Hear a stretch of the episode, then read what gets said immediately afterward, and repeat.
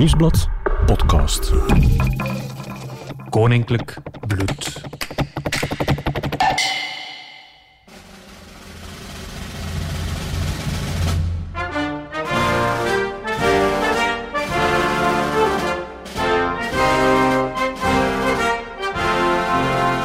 Dit is Koninklijk Bloed, een podcast over koning Filip en zijn bloedverwanten. Nu, we kennen allemaal die statieportretten. Hè? Eén grote, eendrachtige familie op de foto. Maar hoe is de band tussen koning Filip en zijn naasten nu eigenlijk echt?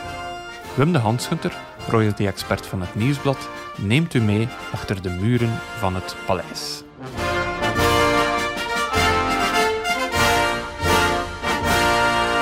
Dag Wim. Dag Bert. Zeg Wim, ken jij het spreekwoord aan elke mooie podcast komt een eind?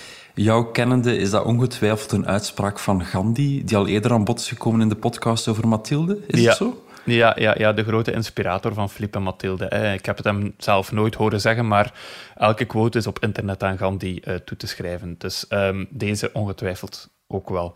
Um, maar het is zo, hè. het is de laatste aflevering van onze podcast. Ja, en um, het is toch maar een beetje hartzeer dat we deze laatste aflevering opnemen. Hè. Bij jou ook? We hebben al vier dagen heel veel plezier beleefd om verhalen te vertellen over het leven van Philippe. Nu gaan we het over de kinderen hebben. Ja, het gaat toch wel een beetje raar zijn dat het uh, voorbij is, deze podcastreeks. Want uh, om nog even duidelijk te maken aan onze luisteraars, ja, jij zit in Antwerpen, ik zit in Gent in mijn kot en uh, ook Eva, de eindredactrice, die luistert mee. Nu, ik moet wel zeggen, ik kijk er enorm naar uit, want um, ja, de aflevering van vandaag begint eigenlijk bij een moment waarmee Philippe de geschiedenis zal ingaan. En dat is dit. We zijn zeer gelukkige ouders. Het kind is heel mooi. En uh, het is echt een, een vrouwtje. En uh, we zijn gelukkig dat dat een meisje is. Koning, toen nog prins Filip, heeft heel veel legendarische uitspraken uh, gedaan. Herinner uit een van de vorige podcasts het legendarische telefoongesprek met Dirk Vriemhout, de eerste Belg in de ruimte, dat hij die vroeg van ja, was hij door het venster? Maar ja, deze uitspraak, het is echt een vrouwtje. Dat gaat hem altijd blijven achtervolgen, Filip. Ja, ja, ja, Elisabeth was, was zijn eerste dochter. Daarna zijn er nog drie, uh, drie kinderen gevolgd. Daar gaan we het nog in de rest van de aflevering uh, uitgebreid over hebben. Maar misschien, misschien toch even stilstaan bij Elisabeth. Want eigenlijk voor uh, de monarchie, voor het Belgische Koningshuis, was dat een heel belangrijk moment in de geschiedenis. Ik heb de afkorting BBB al vermeld omdat koningshuizen teren op baby's, bruiloften en begrafenissen. En als dan een meisje wordt geboren, een prinsesje in het Belgische koningshuis, is dat groot heugelijk nieuws. Uh, zeker omdat het ging over een meisje dat ooit koningin der Belgen ging worden. Ja, de eerste koningin, degene die eigenlijk bijna quasi zeker de eerste koningin zal worden. Daar mogen we nu ondertussen wel zeker van zijn. Uh, de Salische wet, we hebben het principe al uitgelegd dat er vroeger een verbod was voor vrouwen om op de troon te komen. Nu, die regels zijn in de jaren 90 gewijzigd en door, uh, door het feit dat Elisabeth de eerstgeborene was bij Filip en Mathilde, had zij onmiddellijk uitzicht vanaf de wieg op de troon. Ja, ja, ja. Um, Elisabeth is geboren in 2001. Um, was dat gewoon in het ziekenhuis? Is dat thuis? Hoe verloopt dat eigenlijk bij koninklijke families? In het verleden was het gebruikelijk dat prinsjes en prinsesjes geboren werden bij hen thuis in een of ander kasteel of op het paleis. Maar bij Elisabeth, uh, bijzonder, dat gebeurde uh, in, een, in een gewoon Brussels ziekenhuis. Terwijl prins Filip toen in 1960 wel bij hem thuis is geboren in het kasteel Belvedere bij Albert en Paola. En uh, haar naam, dat was ook geen toeval, hè? Nee, er is ook goed over nagedacht. Je moet altijd bij prinsen en prinsessen zoeken naar een historische naam. Er moet een verband zijn met het koningshuis. En bij Elisabeth ligt, uh, ligt de verwijzing voor de hand. Koningin Elisabeth, als je het weet, Bert, dat was de, uh, de echtgenote van koning Albert I, de legendarische ja. koning mm -hmm. die van de rotsen is uh, gevallen in de Ardennen. Uh, Elisabeth, legendarisch ook omdat zij um, de eerste koningin was met een heel sterk profiel. Zij is de vrouw die van de klassieke muziek hield, die een beeldhouwster was. En klassieke muziek ook de vrouw die de Koningin Elisabeth-wedstrijd heeft opgericht. Ja, ja, ja. Daarna kwamen nog, ik heb het hier op een, mijn lijstje staan, Gabriel in 2003, Emmanuel in 2005, Eleonore in 2008. Zat daar eigenlijk een speciale betekenis achter die namen? Als je de namen van Gabriel en Emmanuel, van de twee jongens, uh, hoort, dat zijn bijbelse namen. En we weten allemaal, uh, of hebben het al vermeld in een van de voorgaande podcasts, hoe religieus Filip en Mathilde zijn. Dus dat was niet echt toeval dat zij bijbelse namen hebben gekregen. En nog even over Gabriel, daar heb jij een speciale herinnering aan. Hè? Gabriel is in de zomer van 2003 geboren en dat was de eerste keer dat ik buiten mocht komen voor een royalty-opdracht naar het ziekenhuis waar Filip de pers uh, toesprak. En ik herinner mij vooral uh, de foto's die toen gemaakt zijn. Ik sta achter Philippe voorovergebogen en ik draag een... Um, ja, ik, ik, denk dat ik op dat moment nog niet echt goed wist uh, hoe dat je moet kleden als je met een prins of met een koning te maken hebt. Want ik draag daar een uh, fluo blauwe t-shirt van Puma met in Puma in, in knalgele letters gedrukt. Dus dat was niet echt koninklijk uitgedost. Uh, ondertussen weet ik wel beter. Ja, ja, ja. maar word je daar dan uh, voor op de vingers getikt door iemand van het hof of zo, of dat passeert? Nee, je wordt daar niet op aangesproken. Maar heel vaak bij uitnodigingen van het Koningshuis staat wel expliciet vermeld dat je in stadskleding moest komen. of dat je toch bijvoorbeeld geen sneakers mag dragen. Dus er wordt wel bij echt heel belangrijke momenten op het Koninklijk Paleis gevraagd om toch netjes voor de dag te komen.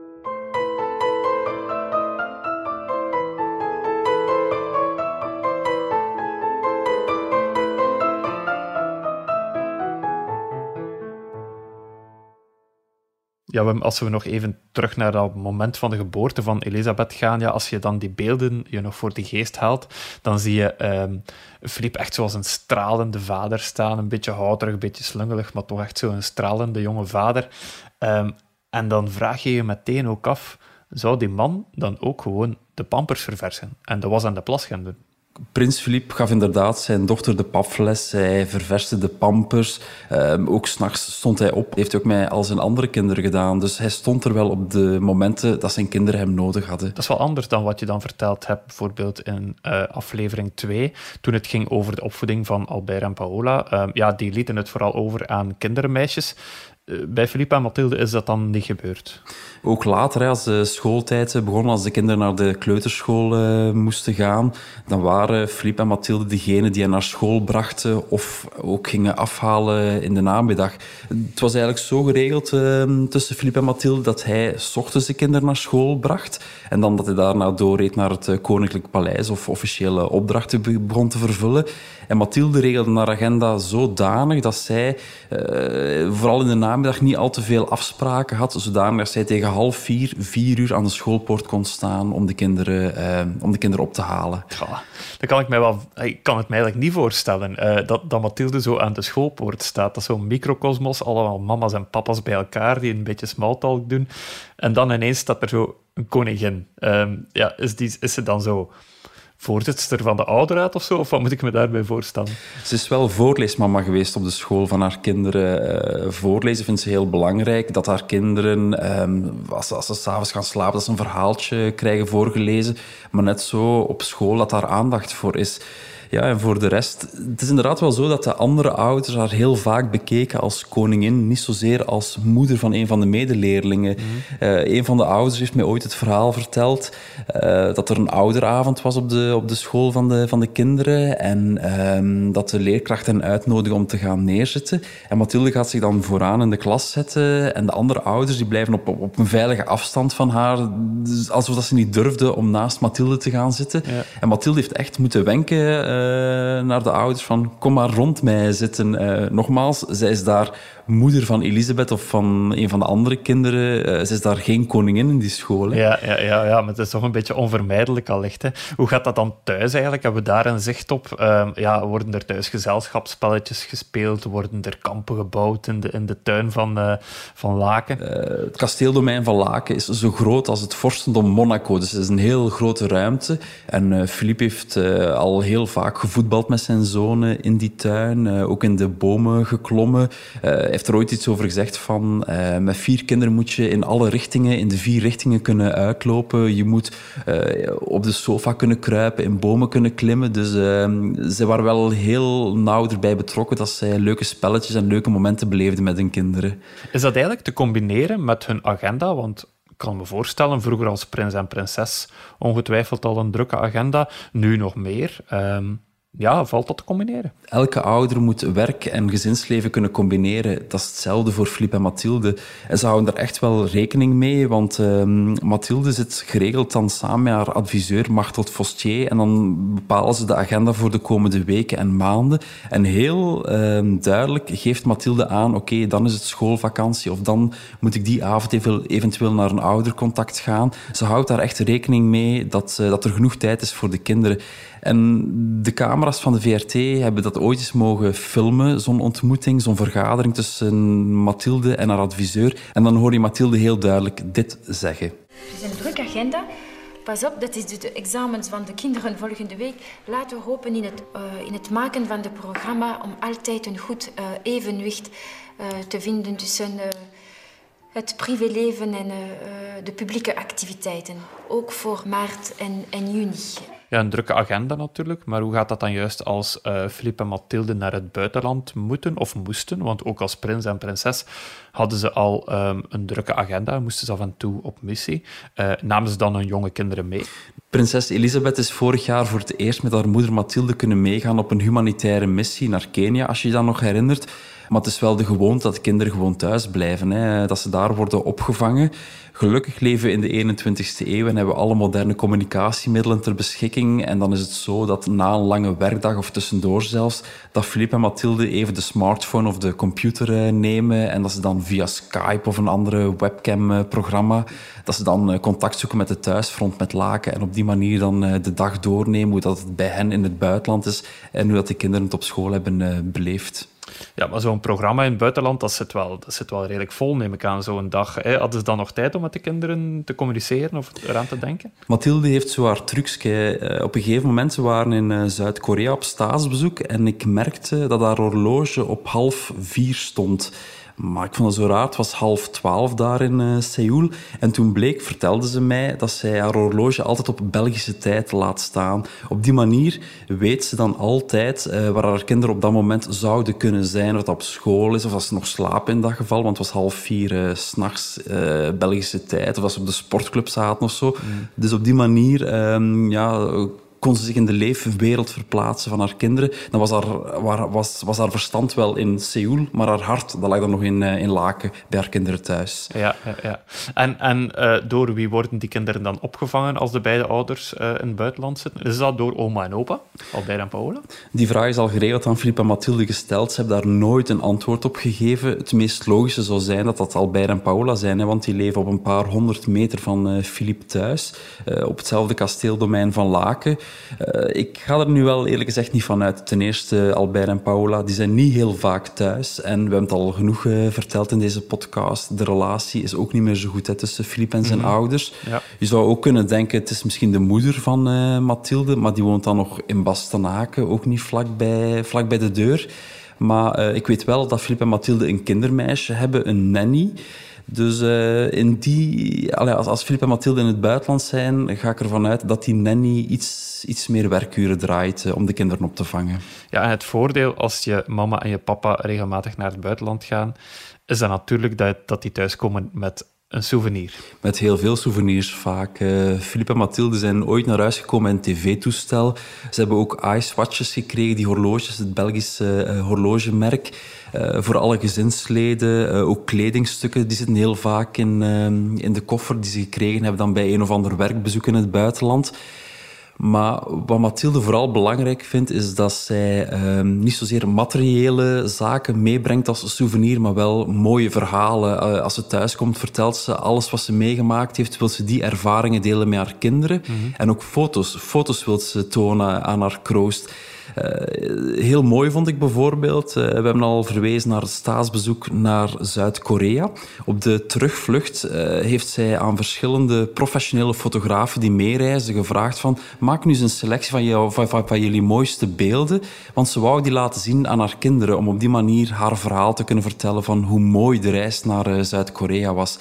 Dus ze wil haar kinderen echt wel laten meedelen in al die mooie ervaringen, in die mooie herinneringen die ze zelf heeft meegemaakt.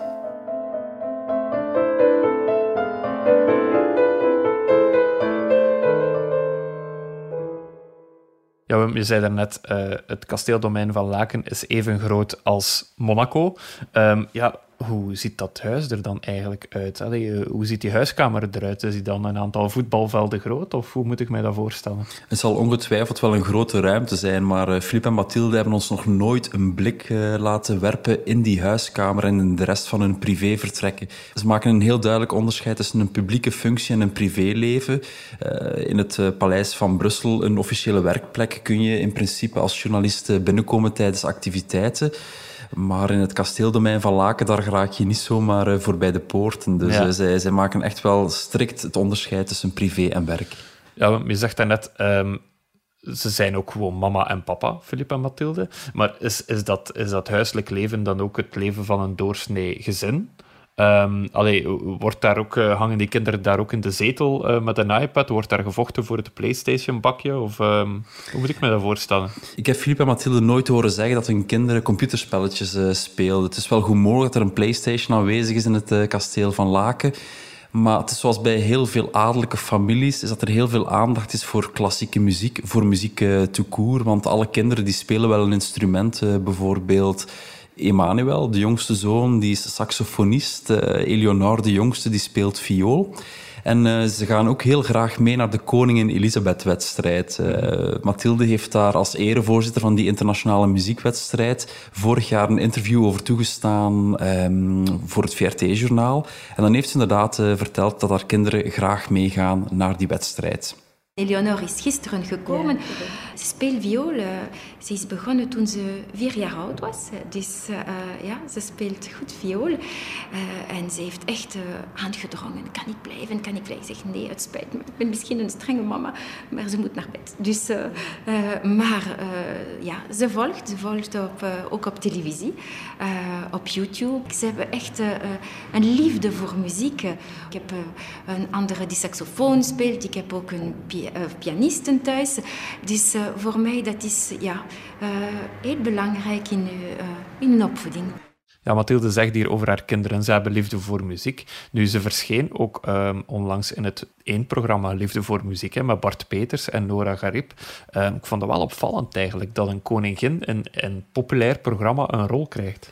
Ik vond het eigenlijk ook best wel een verrassende uh, beslissing van Mathilde om zeven à acht weken mee te werken aan zo'n populair tv-programma past natuurlijk in een soort van imagocampagne om het Belgisch Koningshuis eh, een beetje populairder te maken bij het, eh, bij het gewone volk. Mhm. Eh, ze hebben ook meegewerkt met Philippe Geubels, met het filmpje van, van de koning die dan Philippe Geubels op de koffie ontvangt voor een beider verjaardag. Vive le Velo, de populaire wielertalkshow van 1, is tijdens de doortocht van de Ronde van Frankrijk in Brussel ook in de kasteeltuin van Laken te gast geweest. Ja, ja, een heel specifieke liefde voor muziek.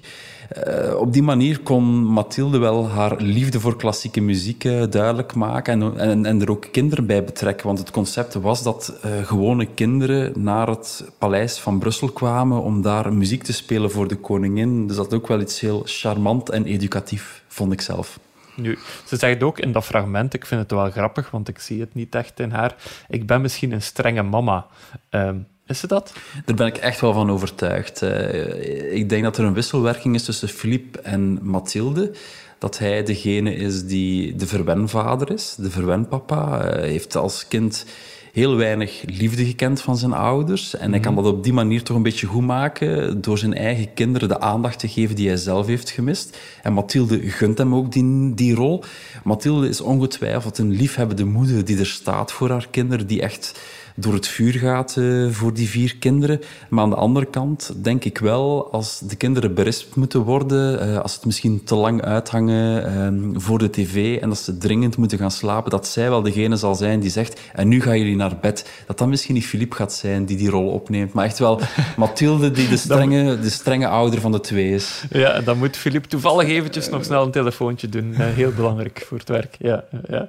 ken het. Ehm, nu... Um, wat, wat wel altijd, altijd opvalt naar de buitenwereld toe, is ja, Elisabeth uh, treedt altijd op de voorgrond als kind. Um, nu, is dat eigenlijk ook zo in het huishouden zelf? Is hij een beetje het lievelingskindje? Je bent geneigd om te denken, uh, de oudste dochter dat is de volgende koningin der Belgen. Dus alle aandacht moet naar haar gaan. Maar dat is absoluut de verkeerde indruk. Oké, zij heeft wel een heel specifieke rol in het gezin, omdat ze de toekomst van de monarchie is. Maar als ik bijvoorbeeld, ehm, als, als wij als journalisten praten met Filip en Mathilde en het hebben over Elisabeth, zal Mathilde altijd antwoorden: Elisabeth, maar ook mijn andere kinderen. Ze zal ook uh, Gabriel, Emmanuel en Eleonore erbij betrekken om duidelijk te maken van oké, ik heb wel een dochter die ooit koningin wordt, maar die andere drie kinderen die zijn minstens even belangrijk. Die moeten evenveel aandacht krijgen als Elisabeth. Ja, hebben we eigenlijk al zicht op het karakter van die andere drie? Want ja, we hebben vorige aflevering uh, waren we bezig over ja, de zeer plichtsbewuste Astrid, dan, dan, de, dan, dan Philippe die als oudere broer alle last op zich droeg, en de rebel Laurent. Ja, hoe zit de verhouding in, in dat gezin van Philippe en Mathilde? Ik zal misschien eerst beginnen met Elisabeth. Uh, zij is dan de oudste. En ik denk dat de oudste altijd degene is met de meeste verantwoordelijkheid. En dan merk je ook bij haar op school, als ik uh, verhalen hoor van uh, oud-klasgenoten, die zeggen van uh, Elisabeth, die was niet tevreden met een 7 op 10 als ze ook 8 op 10 kon halen. Die is heel perfectionistisch. Mm. En ik denk dat zij al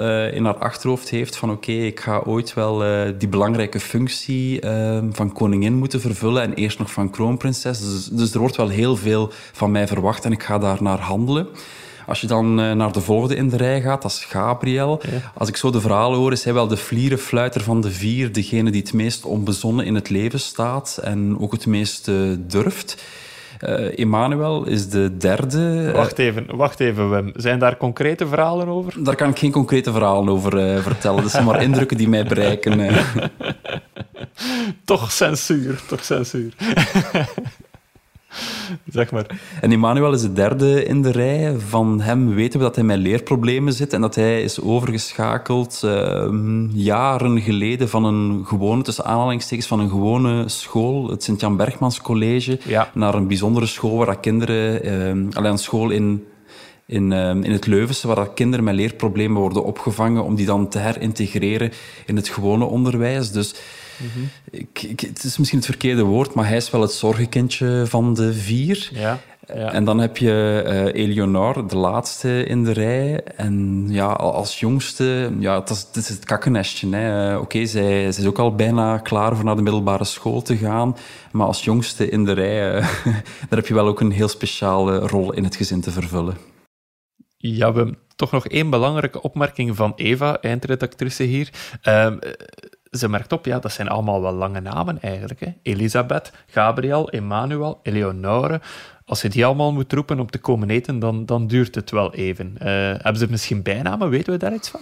Ik weet dat Elisabeth op haar school Lizzie wordt genoemd door haar klasgenoten.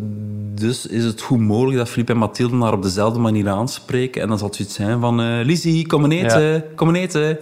En dan is het voor de rest Gabi, Emmy en Ellie, uh, neem ik aan. Misschien moeten we hen gewoon zo in de krant ook zo noemen vanaf nu. Daar zullen Filip en Mathilde zeker content mee zijn, denk ik.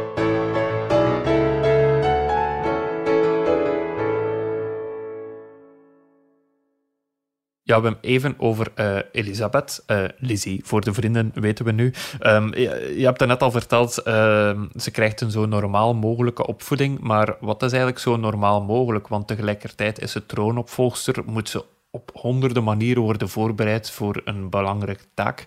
Heeft ze eigenlijk een normale jeugd? Um Philippe en Mathilde proberen haar een zo normaal mogelijke jeugd te gunnen. Nee, haar jeugd is natuurlijk niet normaal. Ten eerste, zij groeit in een heel bijzonder gezin op. Uh, mm-hmm. Het gezin van de koning en de koningin. Uh, hoeveel kinderen wonen er ook op een kasteeldomein uh, dat zo groot is als het vorstendom van Monaco. En ze heeft ook die bijzondere functie in de maatschappij op haar achttiende levensjaar. Ja, ja, ja, ja, ja. Zijn er dan speciale maatregelen rond haar? Uh, mag zij bijvoorbeeld gewoon gaan fuiven met haar vrienden? Als ze wilt gaan fuiven, maar ook toekoer als ze naar uh, buiten wilt gaan, dat is altijd onder veel striktere voorwaarden. wat misschien niet heel veel mensen weten, is als ze de klok rond wordt bewaakt. Er zijn altijd twee ehm, veiligheidsagenten die haar in de gaten houden, tot op school bijvoorbeeld. dan is het zo dat die twee mannen in een apart klaslokaal zitten om ervoor te zorgen dat onze troonopvolgster in veilige handen is. En dat leidt soms tot heel curieuze situaties, die beveiliging. Uh, zoveel jaren terug, Elisabeth die zat nog op school in uh, Brussel.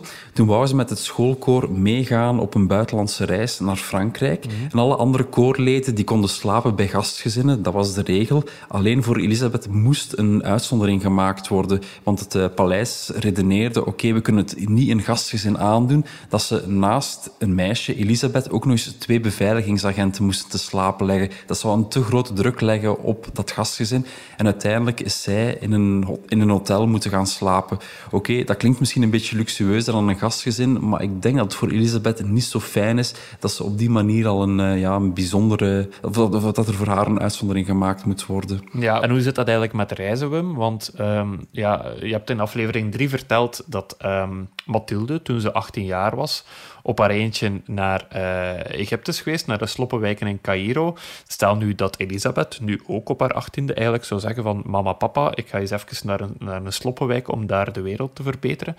Kan dat zomaar? Er is een groot verschil tussen Mathilde als 18-jarige, dat was een anoniem meisje uit Bastenaken, en Elisabeth, die nu ook 18 jaar is. Zij is de toekomstige koningin, dus alle schijnwerpers staan op haar uh, gericht. En zelfs met privéreizen zijn er bepaalde restricties. Zij kan niet met hetzelfde vliegtuig reizen als haar vader. Want daar is de filosofie van, als het vliegtuig neerstort, dan zijn we zowel de koning als de troonopvolger kwijt. En voor het voorbestaan van de Belgische monarchie zou dat wel een ramp zijn. En daarom reist het koninklijke gezin met twee vliegtuigen. Uh, Philippe en een aantal kinderen met het ene en Mathilde en Elisabeth met het andere. Mm, dat is wel interessant. Dat is een beetje zoals bij de Amerikaanse president en de vicepresident dan eigenlijk. Dat is een goede vergelijking die je maakt, uh, Bert. En het is ook niet zo dat Philippe en Mathilde hun oudste dochter willen opsluiten in Laken, want ze hebben haar de kans gegeven om naar Wales te gaan. Twee jaar geleden is zij dan naar die internationale kostschool gegaan, waar zij nu haar middelbare school afmaakt. En daar kan ze wel uh, zichzelf zijn. Hè. Daar, is, daar is Lizzie, niet Elisabeth. Ja, ja, ja. ja. En, en, en weten we daar iets van haar... Um van haar tienerleven. Heeft ze al een eerste boyfriend gehad? Heeft ze al uh, een, een, een vuif gehad voor het einde van, uh, van, haar, van haar zesde jaar? Daar kan ze super anoniem zijn. We weten daar bijna niks van wat daar gebeurt in die school in Wales. En zeker niet hoe dat Elisabeth zich daar gedraagt. Er zijn een aantal foto's via sociale media van medeleerlingen die de, die de buitenwereld hebben bereikt. Maar wij als krant gaan die niet publiceren, omdat het over een minderjarige ging in die tijd. Mm -hmm. En dat je ook die anonimiteit uh, gunt aan Elisabeth. Dat is ook volgens mij een van de belangrijkste redenen waarom dat um, Philippe en Mathilde de keuze hebben gemaakt om Elisabeth niet die middelbare school in Brussel te laten afmaken, maar wel in het verre buitenland, omdat ze daar anoniem kan zijn. Ze kan dat eerst liefje daar ontmoeten. Ze kan daar misschien voor het eerst een pint drinken. Uh, ze kan daar het zwijn uithangen. Niet dat ze dat gaat doen, maar ze kan daar wel fouten maken die elke puber ongetwijfeld maakt.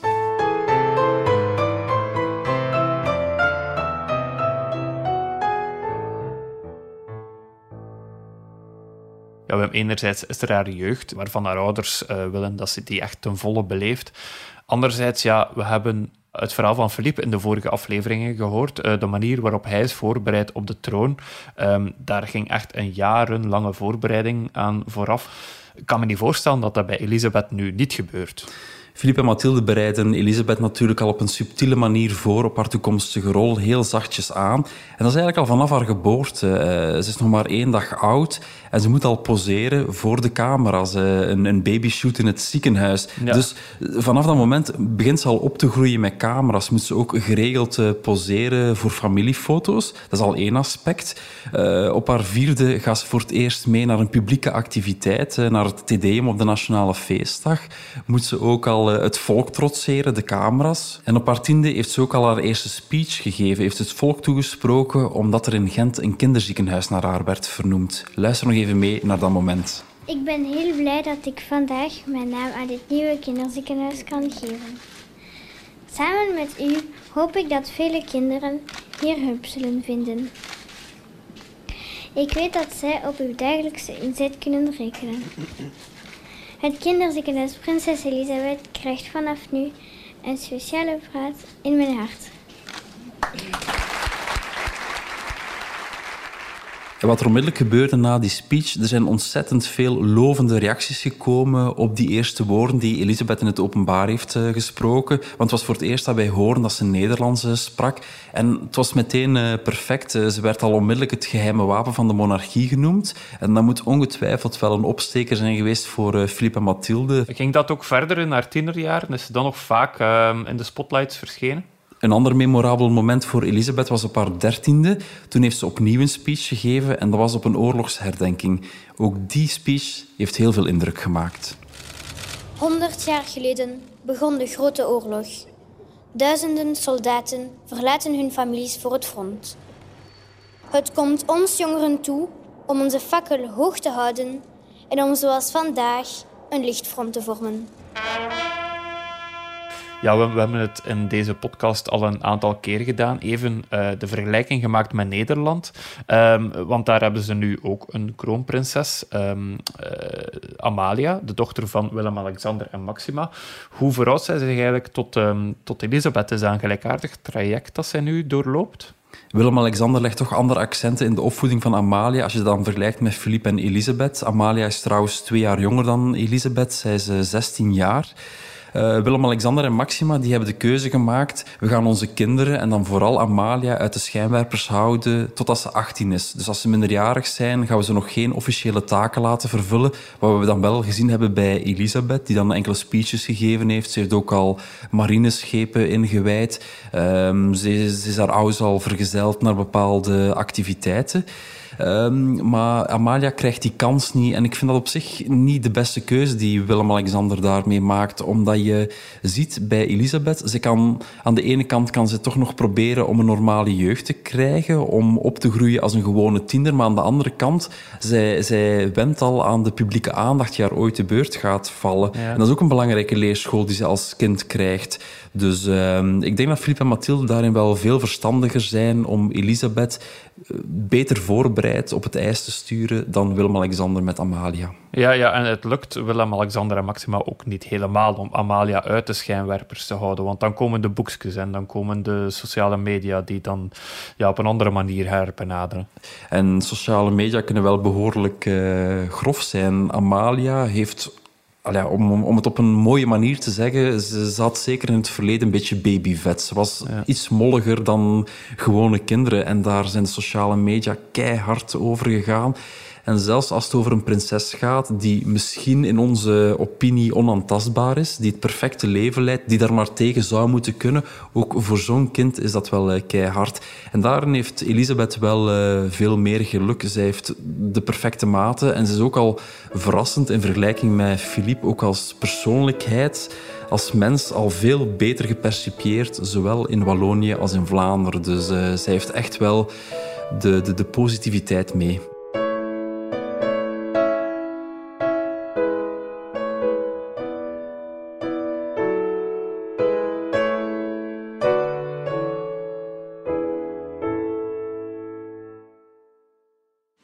Lieve Elisabeth,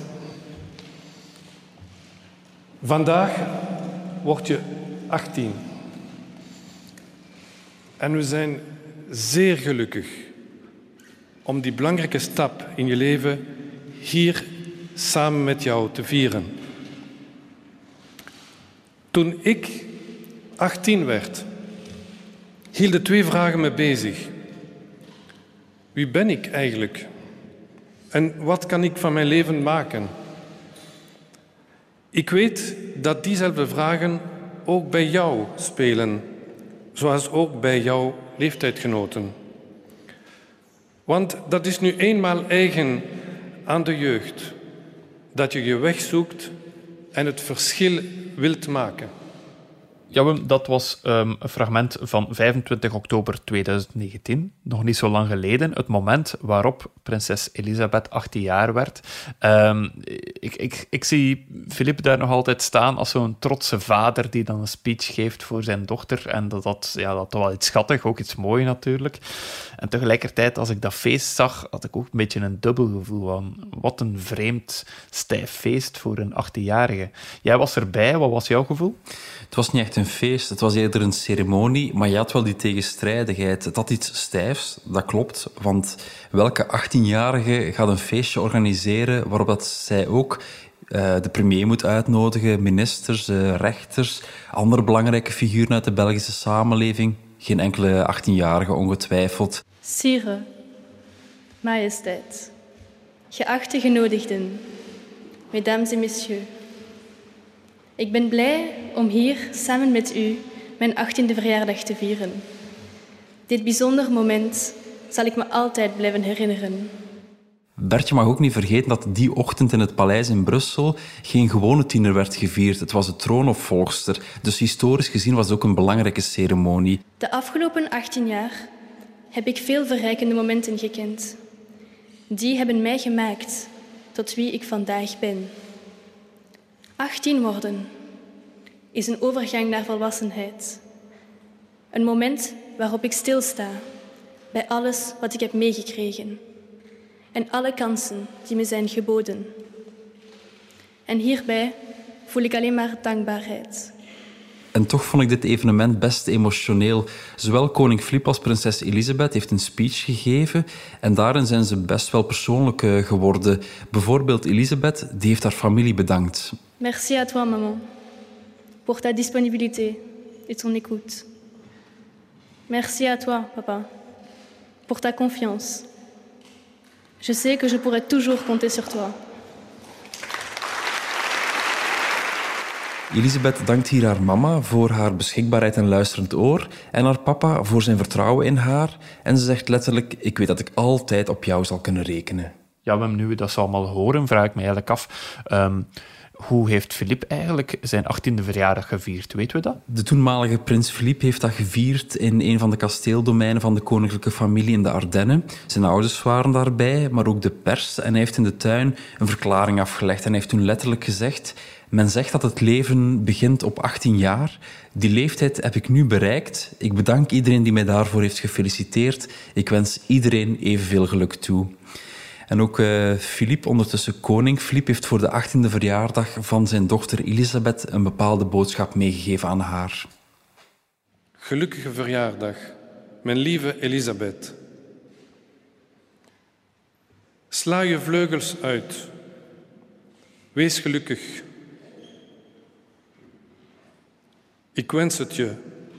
Wij allen samen wensen het je van ganse harte toe.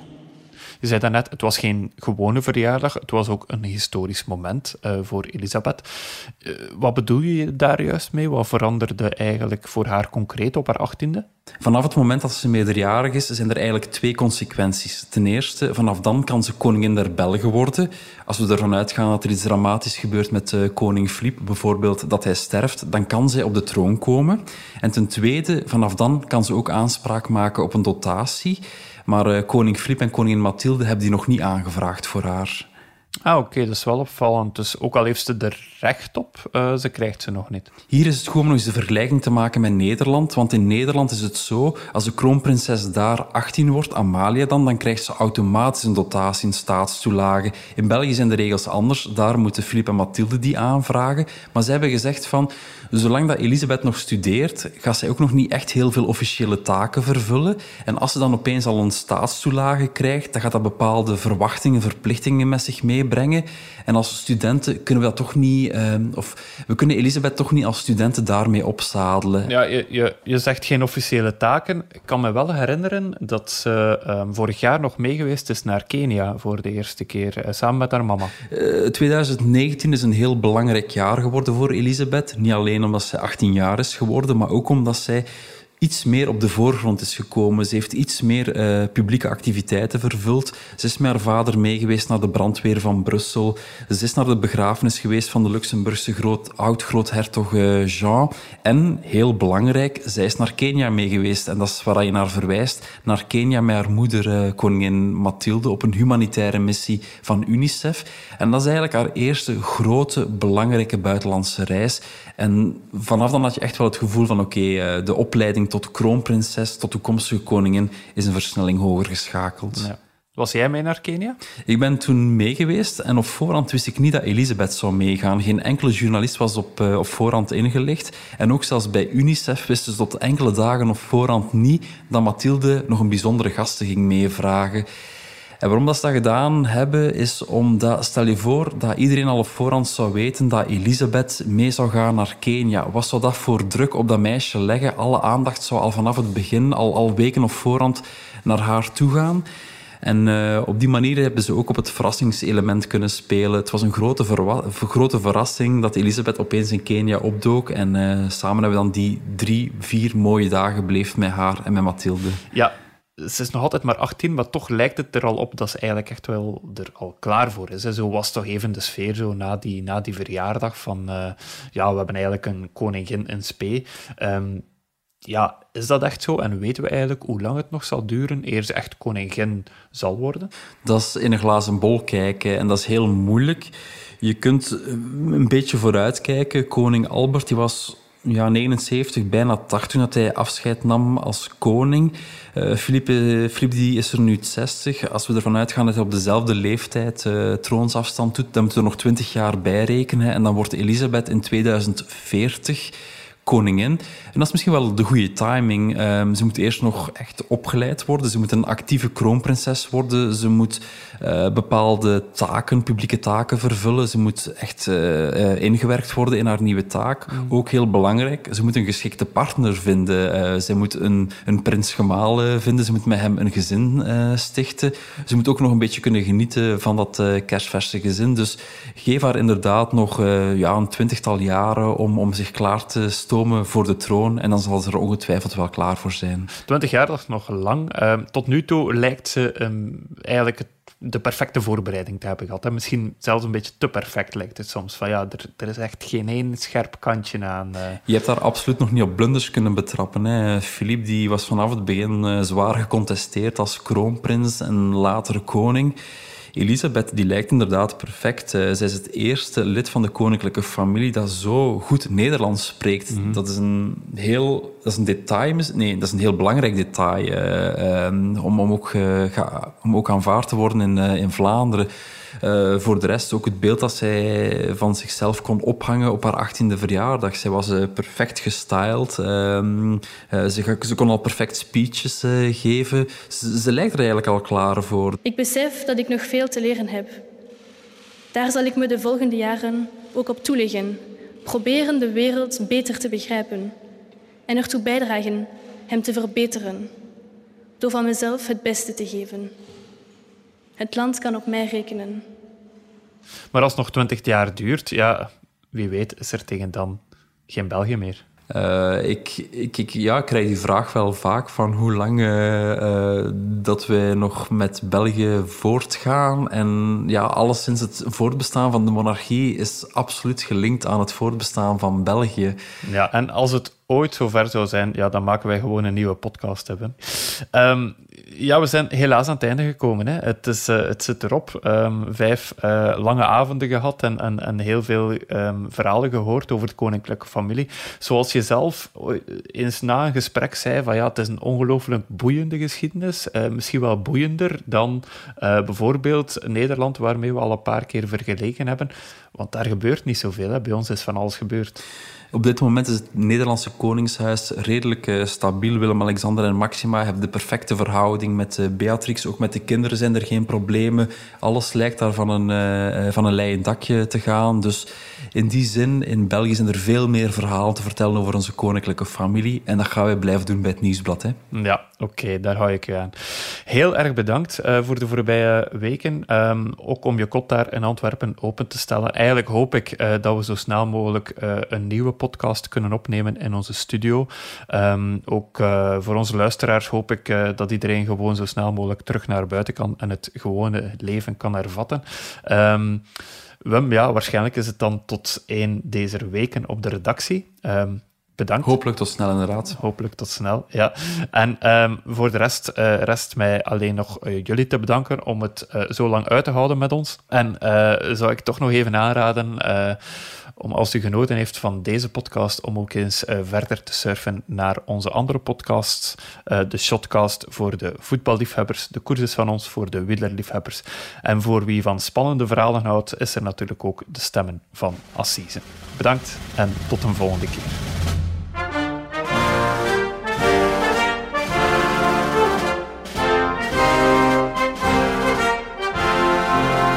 Dit was Koninklijk Bloed, een podcast van Het Nieuwsblad. De presentatie was in handen van mezelf, Bert Heijvaart, en het verhaal werd verteld door onze royalty watcher Wim de Hanschutter.